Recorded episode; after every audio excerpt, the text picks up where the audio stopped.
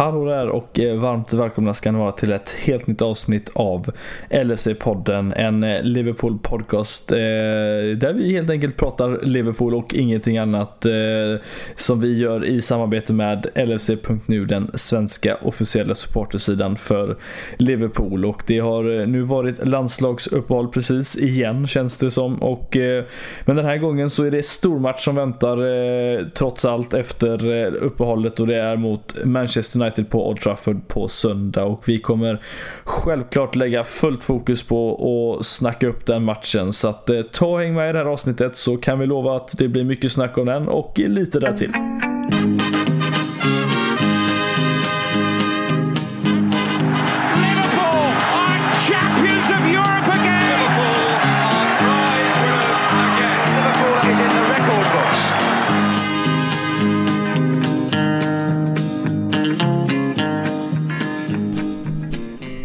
Jajamensan, då är vi tillbaka igen med ett eh, nytt avsnitt efter eh, landslagsuppehållet. Och eh, ja, det känns eh, precis som alltid lika jobbigt eller bra på något sätt får jag säga. För det är alltid efter ett landslagsuppehåll som jag är med och pratar. Och det betyder väl att jag har jag har massa som sagt att prata om mig tillsammans med mina vänner som ska vara med. Och idag är det ju inga vänner utan bara en vän som visserligen ska vara med. Men vi har mycket att prata igenom i det här avsnittet. Vi, precis som introt kommer vi och som jag lovade eh, snacka United, United och United som spelar eh, matchen mot dem på söndag och eh, kommer lägga fullt fokus på detta. Så att eh, vi tar väl och kickar igång direkt med att välkomna in Christian som sitter med mig idag och som jag nämnde precis, du och jag känns som att vi alltid spelar in podd efter ett landslagsuppehåll.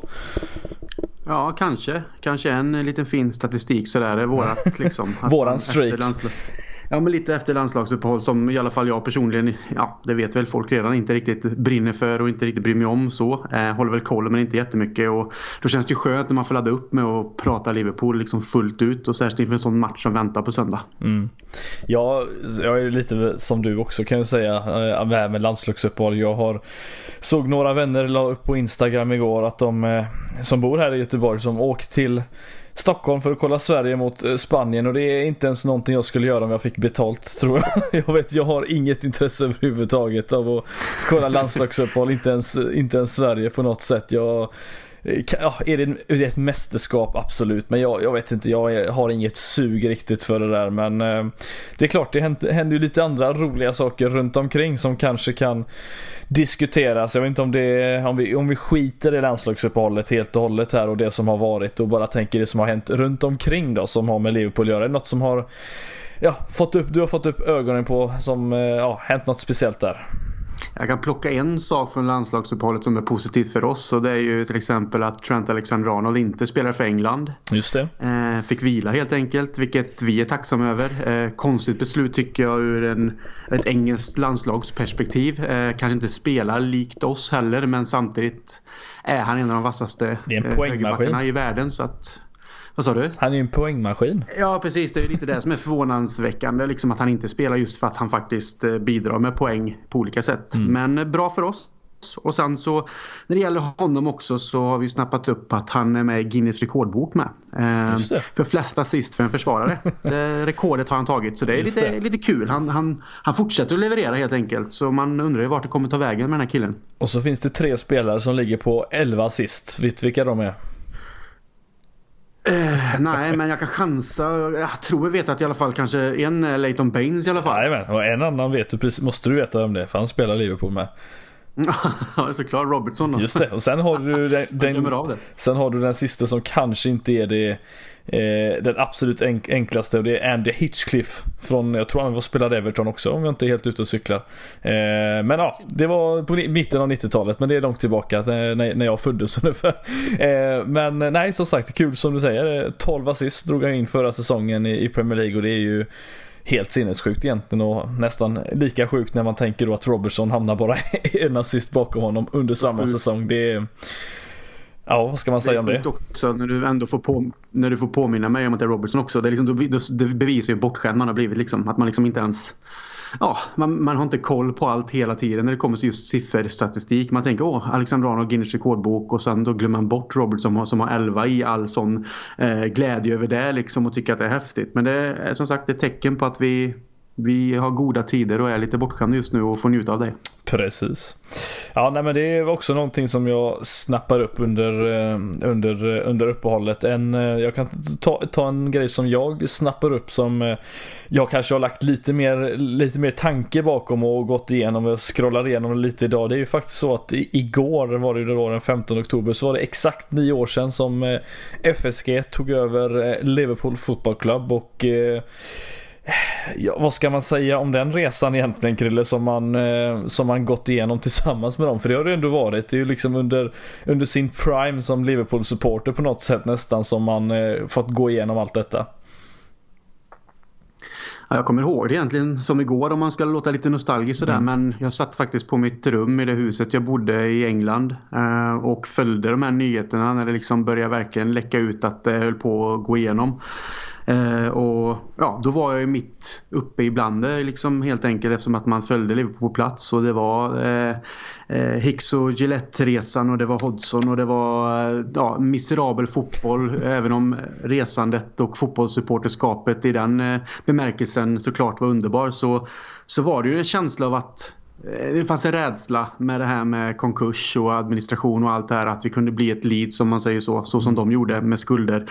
Men då kom ju eh, faktiskt eh, FSG och räddade oss egentligen och man visste väl inte vart det skulle barka heller liksom. Man visste bara att nu är vi ekonomiskt säkrade, vi har en framtid fortsatt i Premier League och vi kan lugna ner oss lite med vart kommer det ta vägen men ser man på de här nio åren så har det varit lite liksom toppar och dalar men mm. vi har ju tagit oss hela tiden framåt och vi står ju här idag som eh, regerande europeiska mästare och eh, som sagt i toppen av Premier League och har egentligen ett av världens bästa lag. Så med facit i hand just nu så har de gjort så mycket gott för oss och det får vi också vara tacksamma över. De har ju lärt sig hur det är och kanske styra en engelsk klubb med jämfört med hur de har gjort borta i USA och Boston Red Sox så har de ju lärt sig på vägen och jag tycker att de har tagit sig till fotbollen och kulturen i Liverpool och England så att eh, nej, vi har mycket att tacka för det där. Mm. Jag som sagt kom, kommer också ihåg det väldigt väl. Det var ju, eh, vi låg ju var, låg 19 plats eller något sånt där när de tog över.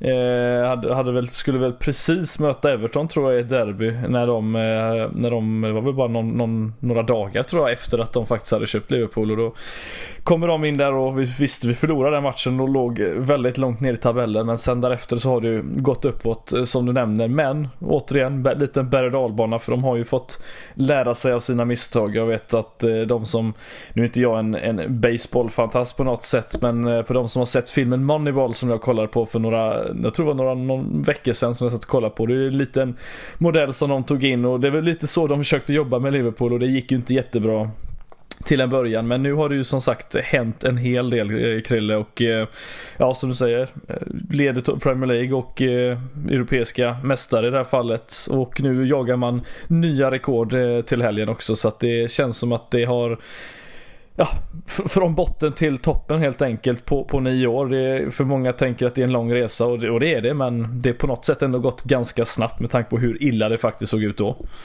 Det har det ju och sen får man ju inte glömma att vi liksom ändå på vägen har eh, man kan ju liksom dra det så pass långt. Visst, vi har inte vunnit jättemycket men vi har ändå tagit oss sakta men säkert uppåt. Vi har eh, främst under såklart Klopp men även under Rodgers hade vi liksom var nära att vinna Premier League det räckte inte hela vägen men vi såg att det var ett steg framåt. Sen skedde det andra saker i det hela eh, som gjorde att vi tyvärr då fick ta något steg tillbaka. Men eh, sen när Klopp kommer in och den tiden han har fått så har vi hela tiden byggt och vi har varit i en del finaler fram till att, att vi gick och vann eh, Champions League nu senast och kom tvåa i Premier League. Så det har ju egentligen bara visats på liksom, utan någon tvekan att han har i alla fall eh, dragit eh, Liverpool framåt och uppåt. Och det är såklart med stöd i ryggen av FSG. Utan eh, någon tvekan så har ju de, verkar de ha ett väldigt fin, fint band och en fin relation. Så det känns ju som att det liksom blivit en sån här eh, perfect match när de tog in Klopp. Och det ska de också ha en eloge för att det var honom som de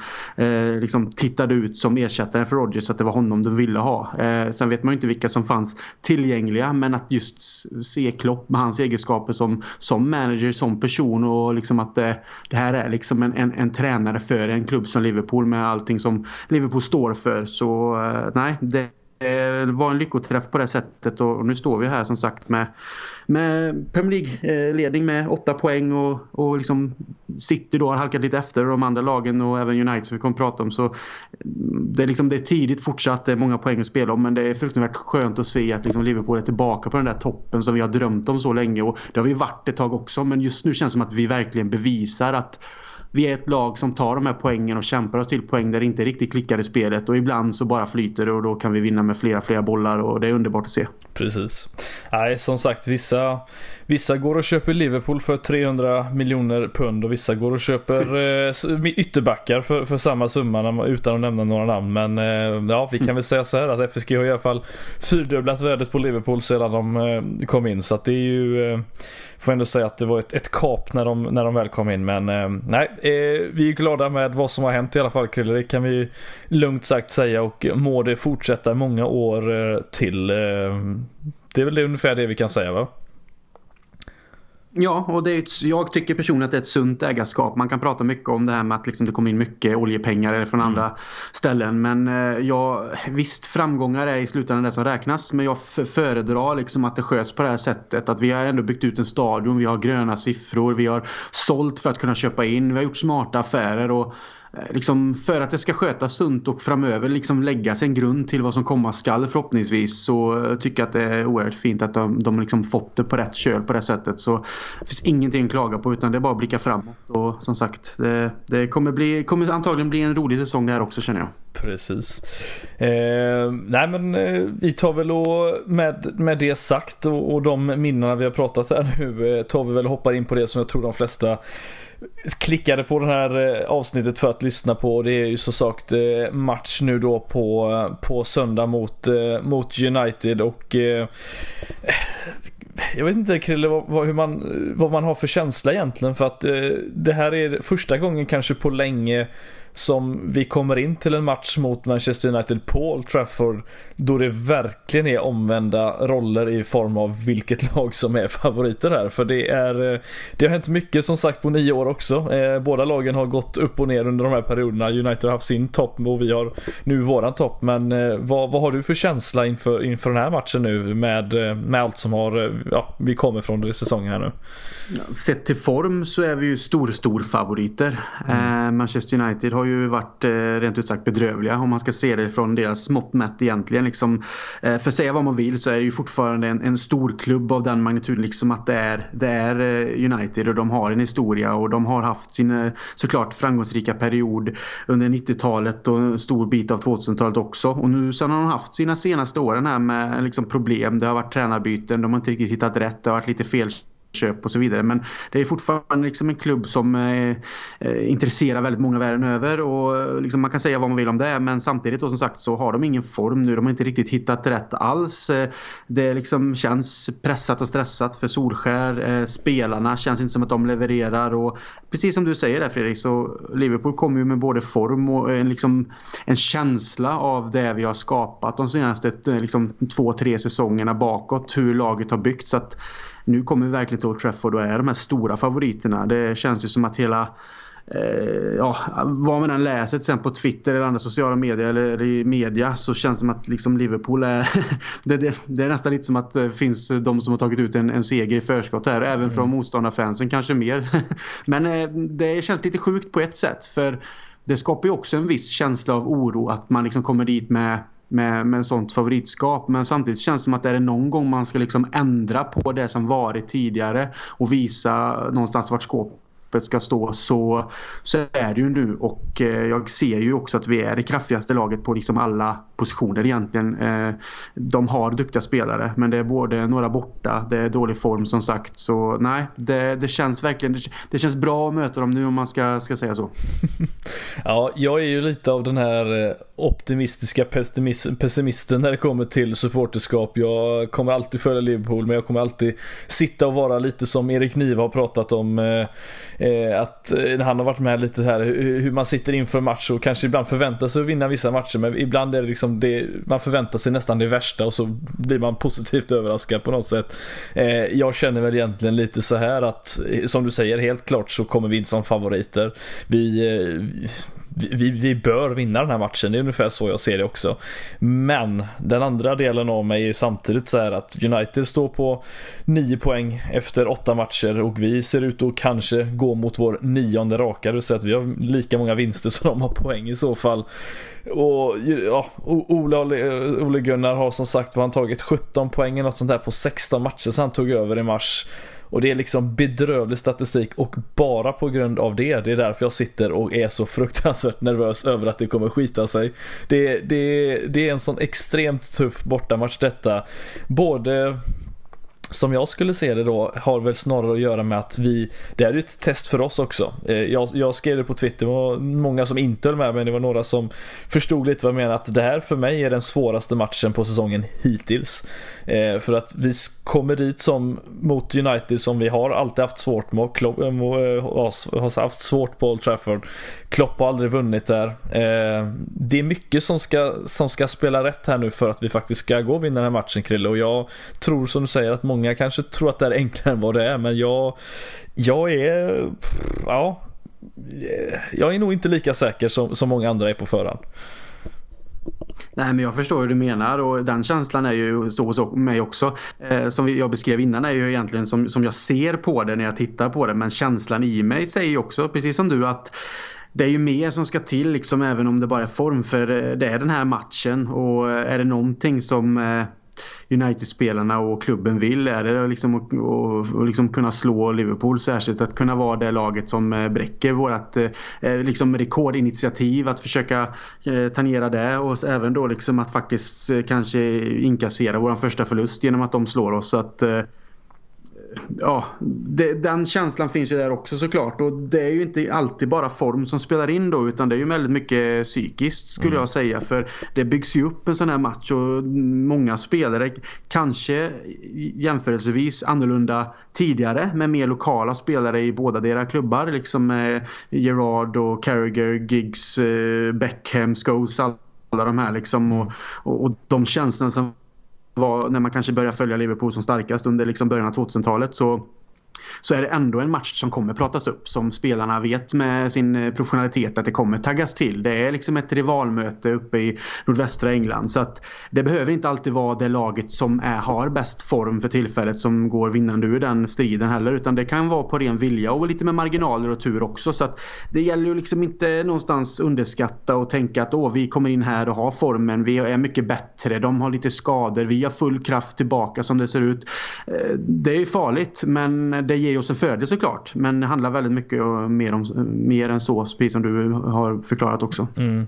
Alltså det, det min känsla egentligen är det är ju det här att vi, om vi tar, går tillbaka en säsong här nu då och kollar hur det såg ut förra säsongen. Vi var Visserligen lite längre fram på säsongen då än vad vi var nu men det var en, en match mot United där Klopp kommer och, och mer eller mindre fegar ur ot otroligt. Det här, eh, den matchen skulle vi gått och vunnit med, med, med två, tre bollar med tanke på hur vi borde ha approachat den matchen. Vi hade, vad hade United? Två eller tre skador, alla, alla skador de fick i den matchen. De, Fick bytt i första halvlek mer eller mindre nästan. Vi hade liksom allt i våra egna händer att kunna ta tag i den här taktpinnen och göra någonting. Och det hade ju med facit i hand betytt liksom en ligatitel mer eller mindre. Eh, jag vet att man inte alltid kan säga så men det är ändå tre poäng kontra en istället. Och det, det hade gjort en så stor skillnad och istället så ja, fegade vi ut och åkte inte till Old Trafford och visade att vi faktiskt är det bättre laget utan vi, vi kom dit som om det var på lika villkor på något sätt och det, det, är väl det jag känner nu att det är det vi inte kan göra här nu. Alltså vi ska absolut inte åka dit och vara naiva och tro att vi är världens bästa fotbollslag och kan göra vad som helst men vi, måste vi ska... Kom, vi ska komma dit som liksom regerande Europamästare och ett titelvinnande typ av, av lag och faktiskt försöka slå United som om det vore vilket lag som helst egentligen. Ja, och det är väl lite det som varit problemet tidigare. Det känns som att vi har kommit dit kanske och även haft möjligheten att vinna men vi har visat dem för stor respekt. Mm. Eh, så att det blir det här året United borta på Trafford och helt plötsligt känns det som jag, jag vet jag svarade i tråden och hade lite diskussioner med andra där också. Vi helt enkelt känns helt plötsligt lite skitnödigt om man ska uttrycka mm. sig så. Liksom allting låser sig helt, helt enkelt. Och, och det känns som att det inte är det vi behöver utan vi borde kunna lita på vår egen förmåga nu och inte vara naiva. Ha en, såklart en viss respekt men inte på den den nivån som varit tidigare utan på något sätt kunna ta vårat spel till deras hemmaplan och visa att vi är Liverpool. Vi är på en helt ny nivå och vi också är för att stanna och vi kommer liksom visa vad det krävs för att, för att ligga i toppen av Premier League nu när det är den här liksom fighten med City som det faktiskt är. För eh, det kan vi också jämföra med City som då gått och vunnit tidigare. De har ju liksom varit Old Trafford och vunnit. Vilket är de här poängen du pratar om som kan mm. vara avgörande i långa loppet. Och särskilt nu då när United är den typen av lag som som de är och som de inte varit tidigare. För som, som, vi, som vi nämner, de, de har duktiga spelare men eh, ser man på hur det har sett ut både i spelet och formen överlag så, så känns det som att vi liksom på något sätt har möjlighet att, att sparka på ett lag som redan ligger ner och då får man inte tappa den möjligheten utan faktiskt se det som en chans att okej, okay, här har vi möjligheten, jag ska inte säga köra över dem, men faktiskt sätta dit dem ordentligt på, mm. på deras egna, egna hemmaplan. Mm. Alltså det var på något sätt känns som att, att det påminner väldigt mycket om den, det, det United-laget, även fast det här är egentligen sämre form och sämre poängmässigt än det som Mourinho kom med till, till Anfield när vi fick honom sparkad eh, egentligen. Men jag tänker mest på det här med hur, eh, som, som du sa, hur man kommer in till den här matchen, att, att hur ska man approacha den i slutändan? För att det är ju som som sagt ett United Eh, om vi tar dem till en början med här som eh, har en hel del skador. De, eh, vi såg ju de Gea bli skadad nu mot Sverige. Eh, verkar missa den. Pogba eh, också samma så. Eh, lika så.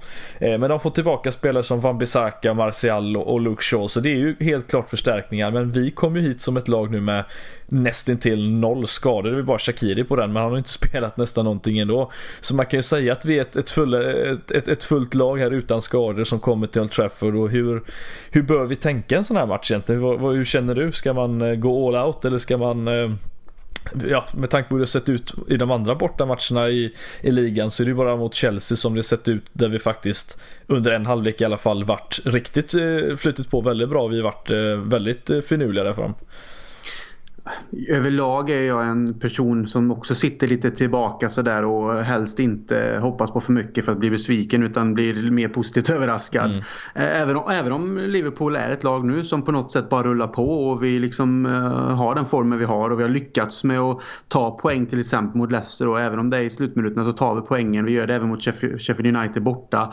Uh, så har jag alltid varit den typen av supporter också men någonstans känner jag liksom att fan, det är dags att åka till Old Trafford och, och köra över dem. Liksom. Det, det, är dags för den ändringen att inte bli det här eh, stela laget då som inte får ut någonting av sin kapacitet utan istället åka dit och känna att det är inte Alltså missförstå mig rätt här nu. Det är inte ett storlag på pappret längre och heller Nej. inte i den formen de har. Utan man behöver liksom inte tänka åh Manchester United Old Trafford som det varit tidigare och som man själv faktiskt kanske känner eh, på ett sätt. Och det är den här respekten igen och så vidare. Visst, man ska inte underskatta ett lag på det sättet men heller inte, heller inte överskatta dem. För jag menar de är inte det är bra just sista. nu. De har inte Nej, gjort precis. mycket mål och de har liksom inte... Det, det, känns lite som en hönsgård helt enkelt. Och då mm. gäller det som jag sa innan, ta den här möjligheten. Så jag skulle nog säga på din fråga att fan åk dit och kör. Kör över dem bara och visa liksom vad som gäller. För den här försiktigheten tror jag kan någonstans bli också att de får lite eh, vind under vingarna också. För mm. börjar vi att vara lite försiktiga så kanske de ser sin chans sätter vi igång eh, vår, vår speed och den taktpinnen som vi vet att vi kan direkt så kanske vi liksom smäller dem på fingrarna med en gång och de blir nervösa och inte hittar sitt spel heller. Nu ska jag inte säga att de har något spel men förstår de får inte tid till att försöka etablera någonting och då mm. tror jag att mycket misstag i dem finns där medan vi mer har ett flyt i vårt spel och när vi vet ju att när vår anfallstrio kommer med fart och det blir eh, kreativitet där framme ja då är vi livsfarliga så att Nej, inte hålla tillbaka utan liksom som en jävla våg bara kör, kör över dem. ja, det, det, är kul med, med, med tankarna här i alla fall. Det, på svar på det du sa här då så kan vi ju också nämna som sagt att den, den fantastiska fronttrion som stått och öst in mål under säsongen har ju faktiskt aldrig heller, någon av dem har ju inte gjort mål på, på United borta heller sen de kom till Liverpool. Det är också ett tecken på varför det här är en, en tuff match. Jag, jag, som sagt förändring. Precis. Förändring. Nej, men jag, jag, jag, ser väl den här lite som det har alltid har varit mot, mot Everton ungefär att vi, vi, vi, vi är det bättre laget helt klart men eh, på dagen och med eh, publik eh, som kan Vi vet ju inte hur, hur den publiken är om de går igång ordentligt och tänker nu att nu ska vi slå Liverpool här och, eller om de är, liksom, är fortfarande bittra över hur det sett ut men nej, det, det, är en svår match som sagt men som du säger vi ska inte komma dit och, och, och, och överskatta dem och tro att det här är liksom Manchester City vi spelar ut, mot utan det här, det här laget är vi bättre än så det här ska vi faktiskt eh, ta vara på tycker även jag men eh, då är ju bara frågan hur, eh, hur det ska se ut för de som ska göra det då. Vi har ju lite intressanta delar vi kan diskutera här innan när vi kommer till laget framförallt. Och vi, vi har ju suttit här i podden och pratat väldigt mycket om hur, hur bra Adrian har varit och han har som sagt bara förlorat en match den här säsongen. Ingen i Premier League visserligen men nu är Alisson tillbaka. Eh, fullt tillbaka i träning som det verkar. Eh, var med här med truppen i alla fall senaste och eh, den stora frågan som många ställer sig är ju då vem ska stå i mål i en sån här match? Ska man slänga in en Alisson som på, ja, han är ju egentligen en av världens bästa, om inte världens bästa målvakter. Eller ska man stå kvar med Adrian som har ja, varit stabil och gjort det han ska göra eh, under säsongen hittills? Jag personligen slänger in Alisson. Eh, du gör det? Ja, men alltså är han tillbaka fysiskt eh, och eh, de anser att han är psykiskt redo mm. för både matchen och liksom att ställa sig igen bara direkt. Att han, han visar det på träningarna och på liksom allting egentligen så så anser jag liksom att som du säger, han är eh, en av världens bästa målvakter, om inte den bästa. Visst, han har varit skadad, men han har så mycket i sitt spel och han känns som att han, han, han känns ju säker och ger en stabilitet mm. och han har en pondus i... Pondusen skulle jag precis säga, det, det är det, det, jag, det jag saknar mest egentligen med ja, honom. För jag menar om man ser till att eh, Adrian har spelat och gjort det hur bra som helst egentligen sett till våra poäng och alltihop. Liksom, det finns ingenting att klaga på. Det är liksom underbart att vi har haft en en, en andra målvakt som har kunnat komma in och göra de räddningar som han har gjort. Och han har liksom vunnit fansens hjärta, han har tagit klubben till sig, han har visat väldigt mycket glädje. Liksom det, det är en perfect match där också. Men ska man se till målvakt, jämförelse med målvakt, så även om Alisson varit skadad så känner jag att bara att han ställer sig i målet tror jag kan skrämma mm. United lite. Det blir en, ty, en annan typ Hjälper av målvakt. Hjälper ju försvaret åtminstone också. Vårat ja, och sen är den här pondusen som du säger. Han visar ju helt annan liksom. Och det är inget ont mot Adrian men, men där har ju Nej, liksom eh, Alisson något helt annat. Och därför tycker jag att är han, är han fit for fight så ska han in. För jag tror att det skapar en stabilitet i hela laget. Och som sagt sätter lite, eh, ja, eh, liksom lite känslor i huvudet på United-spelarna med. Liksom att han är tillbaka och de vet vad han är kapabel att göra göra i, i sitt straffområde. Mm. Alltså, nu vill jag inte slänga något, något, något, klaga på Adrian på något sätt för att jag, jag, man jag tror inte vi kunde förvänta oss någonting mer egentligen vad han har gjort. Han har egentligen gjort mer än vad jag trodde han skulle göra. Stått för en hel del bra räddningar och eh, vunnit några matcher på något sätt åt oss också. Men sanningen är ju fortfarande den att ta en sån match som, som mot Leicester här senast nu. Eh, målet som, som vi släpper in. Visst nu vann vi matchen men den, Alisson tar ju den bollen. Eh, på Madison skott. Det är inget bra skott överhuvudtaget. Han får iväg det men den lyckas gå mellan armarna, eh, armen på honom och kroppen. Men det är fortfarande fortfarande så att Alisson står för en sån extremt hög räddningsprocent. Till skillnad från många andra målvakter i ligan, bland de bättre om inte den bästa. Så att det, man, det är just det att när man får tre skott på, mig så, på sig så ska man Ja, Adrian kommer släppa in ett men Alisson kanske räddar allihopa. Det är väl egentligen det som är den stora skillnaden eh, tror jag i slutändan eh, när man jämför och eh, mot United så vill vi ju definitivt inte ha, eh, ha ett insläppt mål i slutändan. Så att jag, jag är väl inne på ditt spår också på något sätt. Jag tror hela försvaret egentligen känner nog att de känner sig trygga på ett annat sätt. De vet precis eh, hur, hur han spelar. De har gått igenom en säsong med honom så de vet, vet hur, hur de tänker. Så att jag, jag tror jag tänker precis som du att slänga in Allison så snabbt som möjligt och, och, och beta av det här att han får komma igång. Och eh, visst det är en tuff match att göra det på men samtidigt är det en bra match att komma in och kanske hålla nollan på också eller vad säger du? Ja precis, jag tycker som dig att det är ingen mening med att vänta. Liksom är han fit for fight för att ställa sig mellan stolparna så gör det direkt så att han får spela in sig oavsett om det är mot United eller om det har varit ett annat lag vi hade mött. Så är det bättre att få komma igång för vi vet hur viktigt som du säger med de här räddningsprocenten och eh, liksom de marginalerna som är med oss på det sättet när han, han står i målet. För det, det har man ju också liksom märkt att eh, som du säger det är större möjlighet att vi håller nollan eh, kanske då när han står eh, jämfört med Adrian. Så jag känner liksom att det finns ingen anledning till att vänta. Eh, så länge länge det inte finns någon, några risker så kan man ju aldrig veta det. Men har de liksom gått igenom allting och han känner att han kan och läkarteamet känner att det är inga problem så det är bara att köra. Mm. Nej men det, det, det, låter vettigt. Vi får se om Klopp håller med. Det känns, eh, känns bara på något sätt taskigt när man har en så bra målvakt som ändå har gjort det bra. Att man, här, nu har du hållit, eh, nu har du vunnit åtta raka Premier League-matcher. Nu tar vi in en, en, en, ännu bättre målvakt på något sätt. Men ja, det är så det fungerar eh, i, i fotbollen. Men eh, på söndag får vi ju lite se hur, hur Klopp tänker därefter. Men eh, om man tänker annars då, vi, så, som du nämnde, Alexander Arnold fick ju vila eh, båda Englands eh, matcher eh, som de spelar, vilket eh, ja, det är bra för oss så sett, även fast han är bättre än Trippier. Men just att han får vila. Eh, han har stått för en hel del, ja, han har varit en av de bästa spelarna i, i laget helt klart den här säsongen och står för väldigt mycket i vår offensiv. Men eh, den känns ju självklar. Hur, eh, hur tror vi det med Matip exempelvis då som nu byttes, nu var det Lovren som spelade och gjorde det ändå helt okej okay mot, mot Leicester. Men eh, Matip som frisk, då går väl han antagligen in direkt i laget eller? Eh, ja, jag tycker det och jag hoppas det. Så eh, eh är han finns inga diskussioner med, alls. Vilket eh, rapporterna säger. Eh, alltså man kan ju prata om, om, man kan ju prata om Lovrens senaste insats och att den var riktigt, riktigt bra.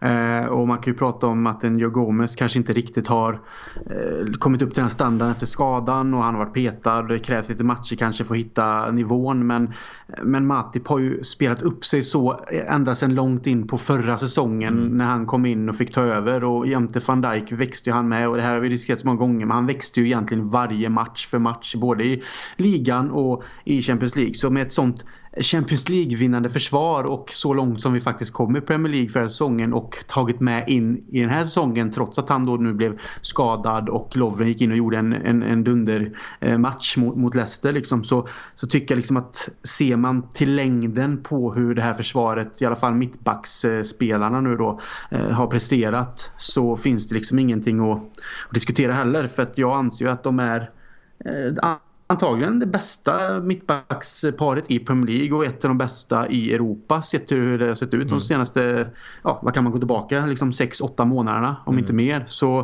eh, nej, är han också frisk så tycker jag direkt. För jag tror att det skapar en känsla eh, hos hela laget också. Att både Alle som kommer tillbaka men Matip som faktiskt har bevisat sig för alla att han klarar av att spela på den nivån och hålla den nivån under längre perioder. Så då tror jag att det också skapar en känsla av trygghet helt enkelt. Mm. Det är ju intressant om man tänker på eh, oftast när man säger att eh, ja, nu ska vi gå upp mot United. Då tänker man hur ska man, eh, vem ska hålla en, en Lukaku liksom där framme? Den stora styrkan, jobbiga liksom buffen där framme som man ska hålla ett öga på. Men nu, nu har de ju inte den typen av anfallare längre. Nu har de ju istället Rashford. De har den fruktansvärt äcklige Daniel James eh, som jag fullständigt eh, rent utav hatar. Jag inte, alltså jag, jag hatar, jag, jag, jag tror jag hatar han mer än jag hatar Ander Herrera om jag ska vara helt ärlig. Eh, nu ska, jag vet att vi ska... Utveckla lite kort. Ja men alltså, först och främst det hans första säsong i Premier League. Han, han har redan dragit på sig tre, tre gula kort för filmning den här säsongen och det har gått åtta matcher. Ja, i alla fall två stycken och det, bara det tycker jag är, en, är, är bedrövligt. Men framförallt, nu vet jag inte om du såg vad som hände när de spelade landskamp senast, eh, Wales, men han eh, hoppade in i en situation eh, där det såg ut som att han fick ett, ja, ett knä eller en höft i huvudet men han blev mer eller inte ens träffad. Och så lägger han sig ner och eh, lägger sig sådär som man ser ut när man är helt medvetslös. Du vet någon, som när John Terry fick en spark i ansiktet mot Arsenal och han liksom nästan svalde tungan. Du vet när man ligger helt utslagen och man kan inte röra sig. Så lägger han sig på mitt på plan och det visar sig att han inte ens blev träffad. Liksom fullständig respe- eh, eh, eh brist av respekt mot mot hjärnskakningar och alla de skador som kan uppstå. Och se han så ung och liksom redan bete sig som ett svin i den unga åldern. Det, det är absolut sista jag vill se i den här matchen. Det är, det är typ som jag är rädd för. Det är en filmning och de får en straff eller något som Ja, jag vet inte. Jag, nu har vi VAR visserligen så det kanske hjälper oss men eh, nu har jag rantat på om hur mycket jag hatar Daniel James eh, när jag börjar prata om Lukaku och deras anfallsspel. Men eh, jag hoppas att ni andra som lyssnar håller med mig. Jag tror inte jag är ensam i det fallet heller. Men eh, eh, det jag tänkte komma till i alla fall. Eh, det är ett helt annat anfallstyp av spel som, som United spelar. Men eh, ändå känns ju Matip som, som den bästa alternativet med tanke på hur också hur duktig han är i uppspelet. Hur han kan, ja, han är ju väldigt brytningssäker och har varit det tidigare också med de här långa spindelbenen. Så att, eh, nej men det är väl helt rätt att få in honom igen. Eh, som sagt, det, det, är kanske ett av Europas bästa mittbackspar. Eh, jag har svårt att se många andra bättre för tillfället i alla fall. Så att, eh, och det ska man inte ja, skita i så fall och sätta på bänken utan in med det så snabbt som möjligt och bästa lag eh, redo från början.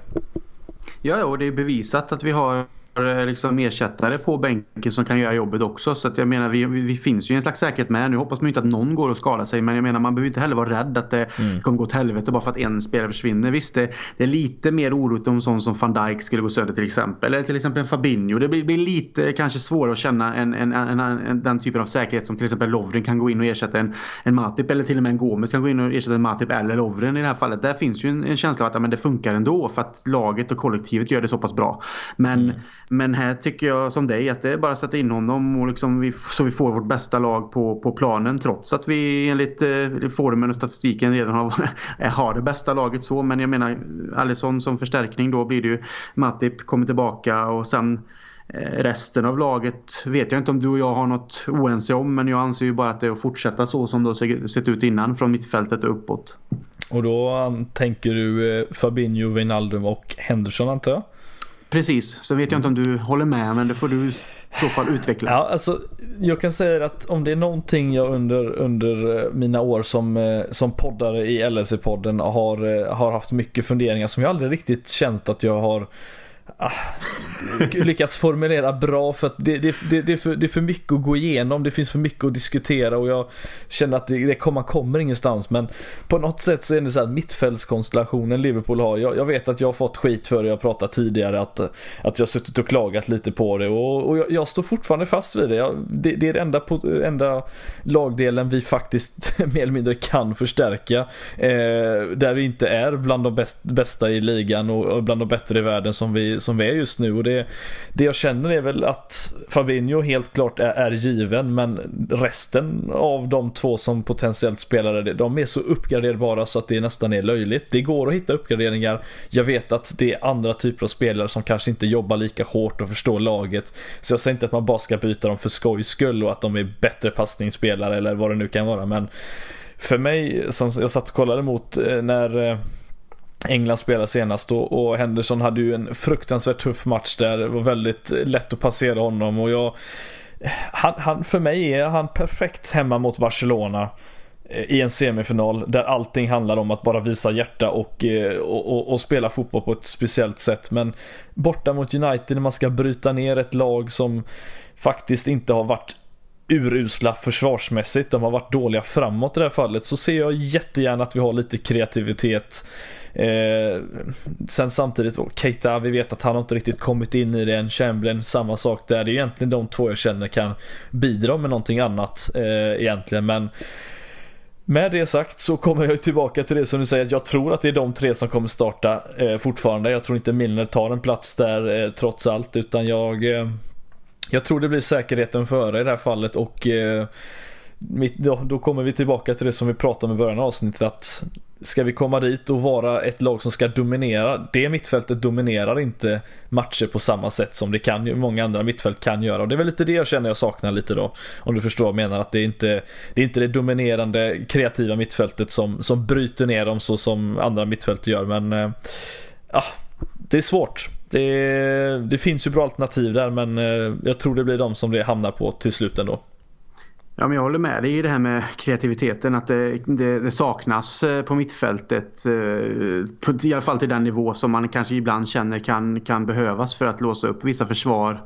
Mm. Och så. Det, det, är liksom, det är inga konstigheter. Men samtidigt så känner jag liksom att det handlar inte om, för mig handlar det inte om att vi kommer till Old Trafford med de tre och visar att åh, vi ska backa hem eller vi ska vara stabila och säkra. Utan min tanke är att vi på något sätt har ett mittfält som vi vet kan jobba och sönder mm. ett United och att vi istället har Eh, anfallsspelet med våra ytterbackar. Vilket är lite av vårt mm, taktik på det sättet att vi kan till exempel prata lite kort om det här med att jag vet att det diskuteras mycket för Wijnaldum gör mycket mål i det nederländska landslaget.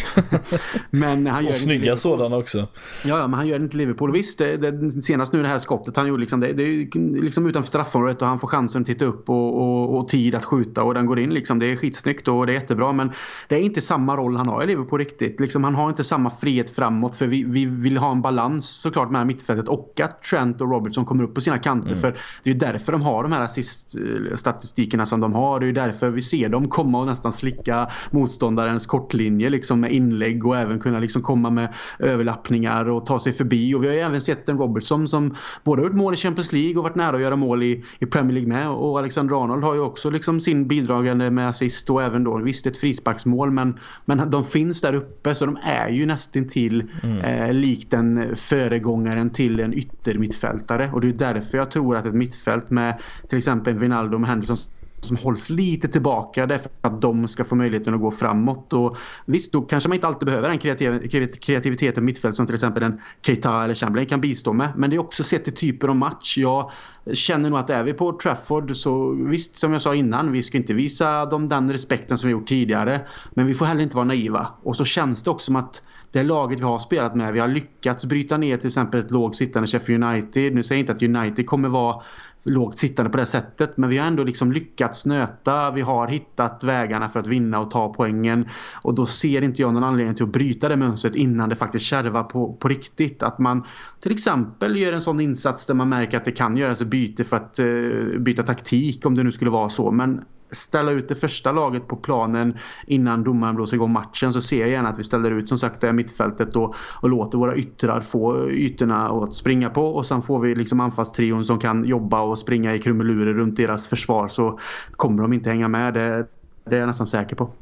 Ja, nej men det jag, jag, jag håller med. Det, det är väl egentligen bara det som jag Eh, kände lite efter, om man tar Chelsea-matchen som ett exempel där vi, där taktiken i andra halvlek verkar vara eh, sitta lågt och egentligen försöka kontra med bara de tre där framme men det lyckades inte jättebra. Och då då blir det bara att det här mittfältet slår iväg bollar för de är inte tillräckligt bra eller modiga för skulle jag vilja säga att eller dumma ibland kanske man ska säga behöver vara också för att slå, slå sin första press men just det här med att, att, att i, i lugn och ro kunna kontrollera en match även när du känner dig lite stressad på mittfältet. Det är lätt att bli att de bara tjongar iväg bollarna i alla fall Henderson och hoppas på det bästa och då då, då, då motar man bara, då ser man bara till att motståndarna får attackera ytterligare en gång. Så att eh, det är väl det jag känner när man i en sån här match att kan det bli mycket mycket krigande, mycket eh, fightande på, på mittplan. Då är det fantastiskt bra att ha de tre eh, och framförallt Henderson och Wijnaldum då. Som båda kan eh, springa framåt också men eh, kommer det, ja, blir det lite för stressat då, då känner jag att vi gärna, jag gärna får in en mittfältare som kan kontrollera det. Men då kanske Keita finns ett, som ett alternativ att komma in där. Det får vi ju helt enkelt eh, se. Ehm, Eh, Ja, det, som sagt bra känsla ändå får vi säga komma in till den här matchen men lite nervös som sagt för att man vill ju inte att United ska ta den här streaken. Det är väl det som är känslan eller håller du med mig där? Att man, man är ändå positiv men det är just det man är, kanske är mest orolig för på något sätt. Ja precis. Att just det är dem. Man vill ju aldrig att det ska liksom, eh, sluta på något sätt men man vet att det kommer att ske förr eller senare men man vill ju helst inte att det blir mot United för då då växer ju de där trollen till liv på sociala medier igen och så ska man höra hur de lyckades liksom tvåla dit oss hit och dit och bla bla bla. Men det är väl också känslan med rivaliteten om man ska vara lite seriös också att det är väl givetvis inte, man vill ju aldrig förlora mot United Nej. oavsett om det är borta heller. Så man hoppas ju alltid att man någonstans ska kunna åka dit och vinna. I alla fall ta en pinne och, och, och mäta sig med dem. Det är ju de känslorna som har funnits förr med de upplagor som varit tidigare. Jag menar, jag själv har varit på Trafford kanske ja, fyra, fem, sex gånger. Kommer inte riktigt ihåg. Men, men menar, vårt, vårt mittfält bestod ju liksom av, av Christian Paulsen och Spearing. och liksom vi hade en Jovanovic och en Gog och Konchesky. Man, man åkte inte dit och tänkte att ja, vi kommer vinna det här. Det fanns liksom ingen optimism utan man åkte dit och hoppades att kanske med någon eh, liksom, övernaturlig kraft kan vi få med oss ett poäng här och inte bli helt överkörda. Och sen ska vi bara ha jävligt kul, eh, dricka lite öl och sjunga och heja på vårt lag såklart. Men det fanns ingen, ingen känsla lik det känns nu. Att här är vi på en helt, helt annan nivå och de håller inte alls den nivån som de gjorde tidigare. Jag menar, då hade de Berbatovs och Roonis och liksom, ja, det var ett helt annat lag. Eh, och... Var du på den eh, Berbatovs eh, cykelsparkmatch eller målet eller? Ja, givetvis var det. ja, men vad, vad har du, jag tror, jag tror vad har du för roliga minnen från Old Trafford?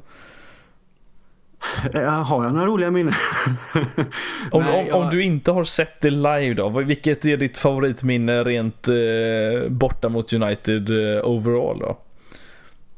Ja, alltså då får man ju ta eh, vinsterna med, med Aurelio frisparkar, Dosenna mål. Eh, liksom, ja, men den, de matcherna såklart. Eh, det, är ju, det, är ju, det, är det man minns när man inte varit live. Men det som är grejen såklart med live, det är ju liksom vi har inte då när jag varit där, vi har inte vunnit. Jag, jag, kan inte ens minnas om vi faktiskt tog poäng. Jag ska låta det vara osagt. Eh, det är så pass många år sedan nu och man, liksom allting smälter ihop lite. Men, men samtidigt så var det ju alltid en, en känsla som Många bortamatcher har fått äran att vara på men att åka till Old Trafford det fanns ju en helt annan känsla av om man nu ska använda ordet hat i luften mm. än på andra bortamatcher. Eh, många gånger har jag varit på Chelsea med och vi vet den rivaliteten som byggdes där. Den finns också Också en känsla av det här att man föraktar varandra men inte alls på samma sätt som United utan man är väldigt eh, liksom håller koll och sig tillbaka när man är i Manchester på matchdagen när man håller på Liverpool liksom. man, ska inte, man ska absolut inte vara rädd, det behöver man inte vara för säkerheten är så pass hög och det är polis överallt men, men det finns någonting i luften som känner att liksom okej okay, eh, här får man liksom ta det lite lugnt och man märker när man kommer in på arenan med det är en, eh, liksom en hatisk stämning det känns inte alls som det kan vara på andra arenor när man åker att det finns en slags eh, känsla av mer banter om man använder det mm. ordet. Att det är okej okay, utan här känns det verkligen som att eh, Scousers och Manx de, de hatar varandra och det ligger inte bara i fotbollen utan det ligger ju mer också politiskt och områdesmässigt och rivalitet statsmässigt också för den delen tillbaka i tiden så det kan man ju googla om man nu vill läsa om det såklart men, men eh, nej det, det, det, är en häftig känsla att åka dit och liksom veta att okej okay, nu ska vi vara i borta sessionen och vi kommer liksom eh, försöka och eh, liksom sjunga allt vi kan och ofta så hörs ju borta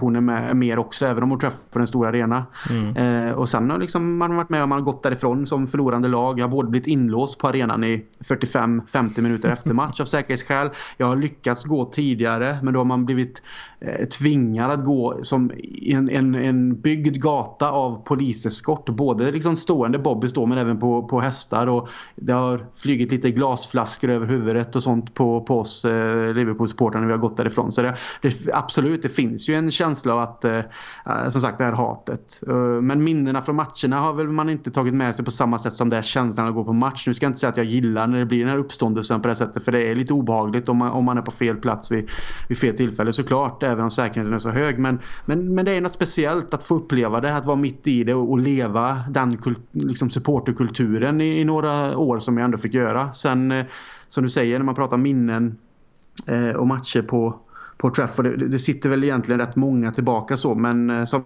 jag nämnde innan då när vi gick och vann där med 4-1 där det var.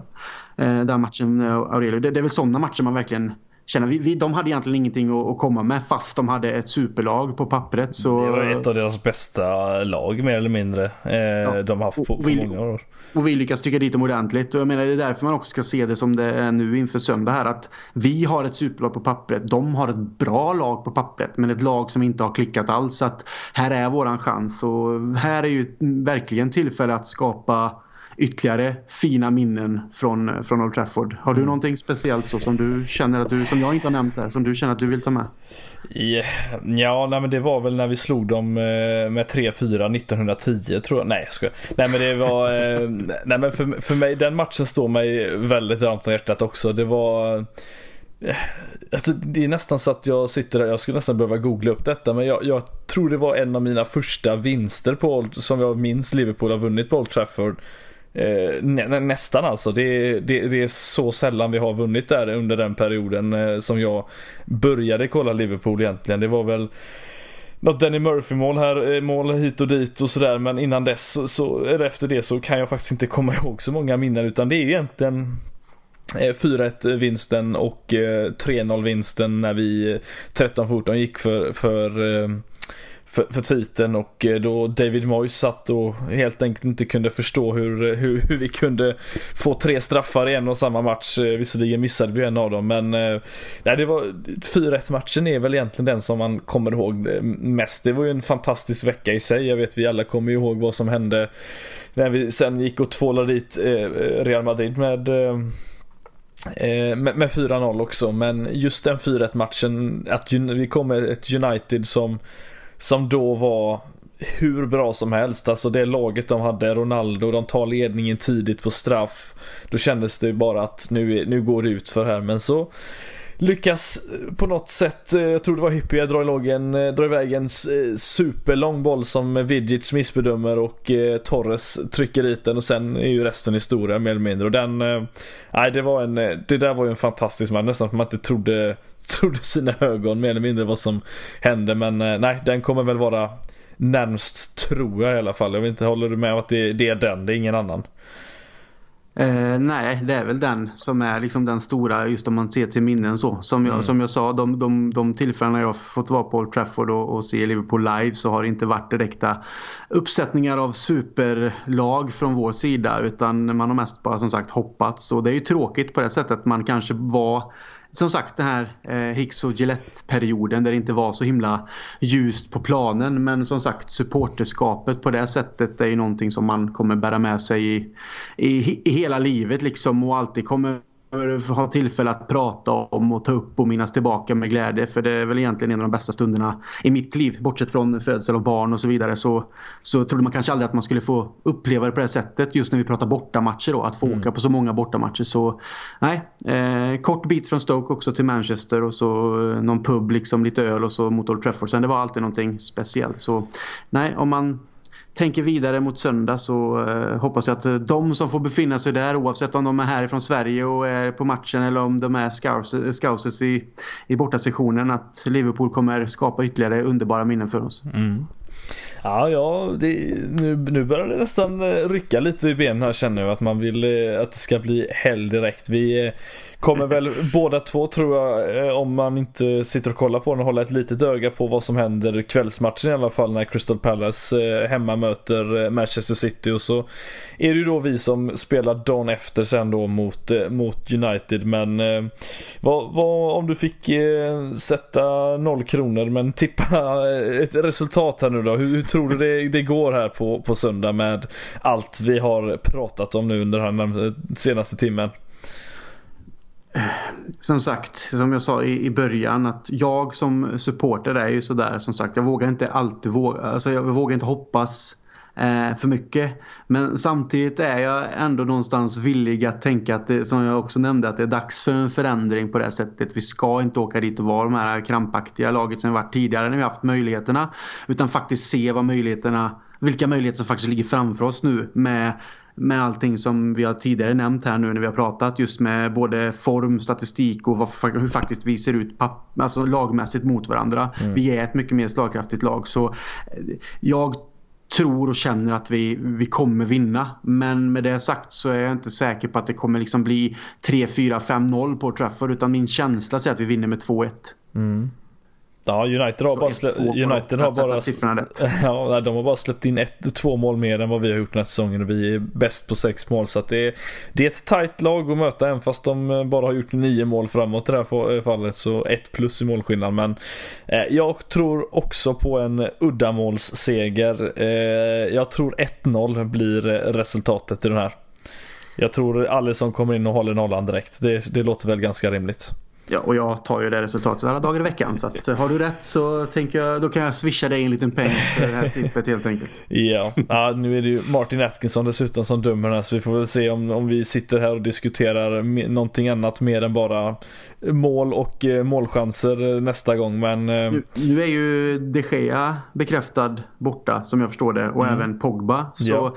Eh, det enda som någonstans sätter en liten oro i mig på det sättet då det är ju att eh, ja, vem det nu är som är deras andra mål, är det Rom Romero. Ja, att han kommer in och gör en sån här Eh, mot Liverpool sitt bäst, sin bästa match någonsin i Premier League typ om man ska dra den grejen. Nu ska jag inte bli en sån som ältar sådant men, men vi har ju vetskapen om att det kan, det kan bli så ibland, i alla fall tidigare. Det känns som att det är lite vassare kanske framåt nu men, men det, det är ju sådana här typiska saker att deras, eh, deras första målvakt som är given och som har tillhört världstoppen i väldigt många år kanske inte haft lika bra säsonger senaste men som ändå liksom är en, en världsmålvakt. Eh, går att skada sig och att den andra målvakten då eh, liksom spikar igen mm. målet helt enkelt. Men Pogba vet jag inte om jag ser som en förlust så. Jag tycker han är kanske en av de mest överskattade spelarna i, i världsfotbollen och det kanske man kan diskutera i en annan podd men eh, det är ändå en spelare som många liksom säger hit och dit. Han har vunnit eh, VM och han har den här talangen och så vidare. Men han känns ju som en, en, en typ av Balotelli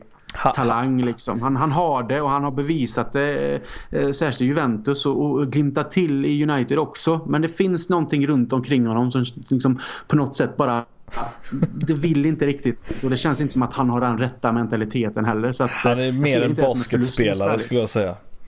Ja men lite så. Men jag ser det, jag ser det faktiskt inte som en stor förlust. Jag, för mig är det inte så här yes, Pogba ute. Liksom, jag, liksom Okej, okay, skitsamma liksom. Får se vem de sätter in istället helt enkelt. Ja, nej det här var då alltså podden då vi sitter och eh, pratar om hur mycket vi hatar Paul Pogba och eh, Daniel James. Eh, vi får se hur många av våra lyssnare som håller med oss. Men jag tror att det finns några där ute som, som alltid gör det också. Men eh, ja, som sagt, vi, eh, på, på söndag får vi eh, får helt enkelt se hur det slutar. Men fram tills dess så får vi gärna tillsammans med er lyssnare ha kontakten på, på Twitter. Där ni hittar oss på LFC-podden. Eh, och eh, vi kommer nog lägga upp lite omröstningar och att eh, svara på innan, eh, innan matchen som sagt. Och så lite eh, tipstävling också som kommer eh, eh, komma ut lite senare under veckan. Så ehm, Ja, med det sagt så tar väl jag och Christian och eh, lägger ett lock på det här avsnittet och eh, så eh, ja, tackar vi för att ni har lyssnat och så hörs vi efter matchen mot Manchester United. Ha det gött!